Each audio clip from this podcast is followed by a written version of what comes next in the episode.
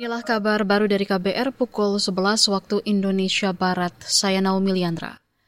Badan Urusan Logistik Bulog telah mengantongi izin membeli gabah dan beras dari petani lokal.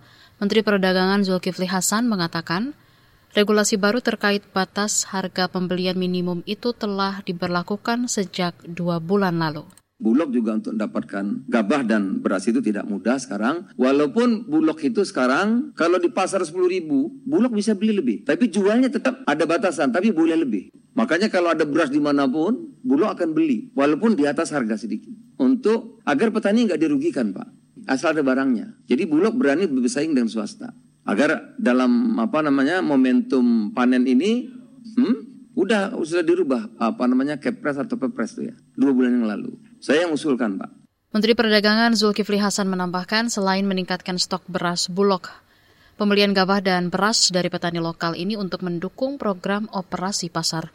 Menurutnya petani juga tidak akan merugi jika ada kebijakan impor beras karena hasil panen mereka sudah dibeli Bulog. Saudara pemerintah mengakui layanan publik digital di instansi pemerintah banyak yang belum efektif. Belum efektifnya layanan itu, kata Deputi Bidang Administrasi dan Aparatur di Kementerian Sekretariat Negara, Nani Purwanti. Karena banyaknya digitalisasi yang belum terkoordinasi dengan baik. Perkembangan digitalisasi dalam lingkungan pemerintahan sudah sangat masif.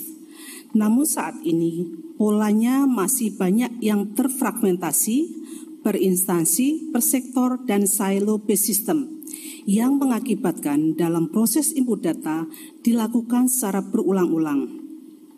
Selain itu, masyarakat harus membuat banyak akun untuk ragam layanan publik berbasis digital yang disediakan oleh pemerintah. Deputi Bidang Administrasi dan Aparatur Nani Purwanti menambahkan lembaganya hari ini meluncurkan versi terbaru aplikasi Sistem Informasi Administrasi Pejabat Pemerintahan atau SIAPP. Aplikasi ini, kata Nani, untuk mendorong pemanfaatan transformasi digital di lingkungan lembaga pemerintah.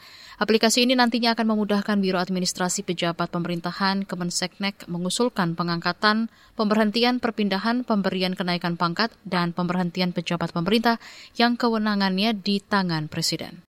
Pemerintah Cina terus mencari cara meningkatkan angka kelahiran warganya setelah populasi di Cina disebut turun pertama kalinya dalam enam dekade terakhir tahun lalu. Perubahan kebijakan satu anak sejak 2021 pun masih belum berdampak signifikan pada penambahan populasi. Pasangan muda Cina semakin tidak ingin memiliki anak dengan alasan mahalnya biaya pengasuhan dan pendidikan anak. Selain itu, pendapatan rendah, lemahnya jaring pengaman sosial dan ketidaksetaraan gender menjadi faktor pasangan muda Cina enggan memiliki anak. Pemerintah Cina bahkan akan memberi insentif bagi pasangan muda yang memiliki anak, bahkan hingga anak ketiga termasuk tetap memberikan upah bagi pekerja yang cuti hamil. Data Biro Statistik Nasional Cina menyebut jumlah penduduk di negara itu mencapai 1,4 miliar jiwa di 2022. Demikian kabar baru saya Naomi Liandra.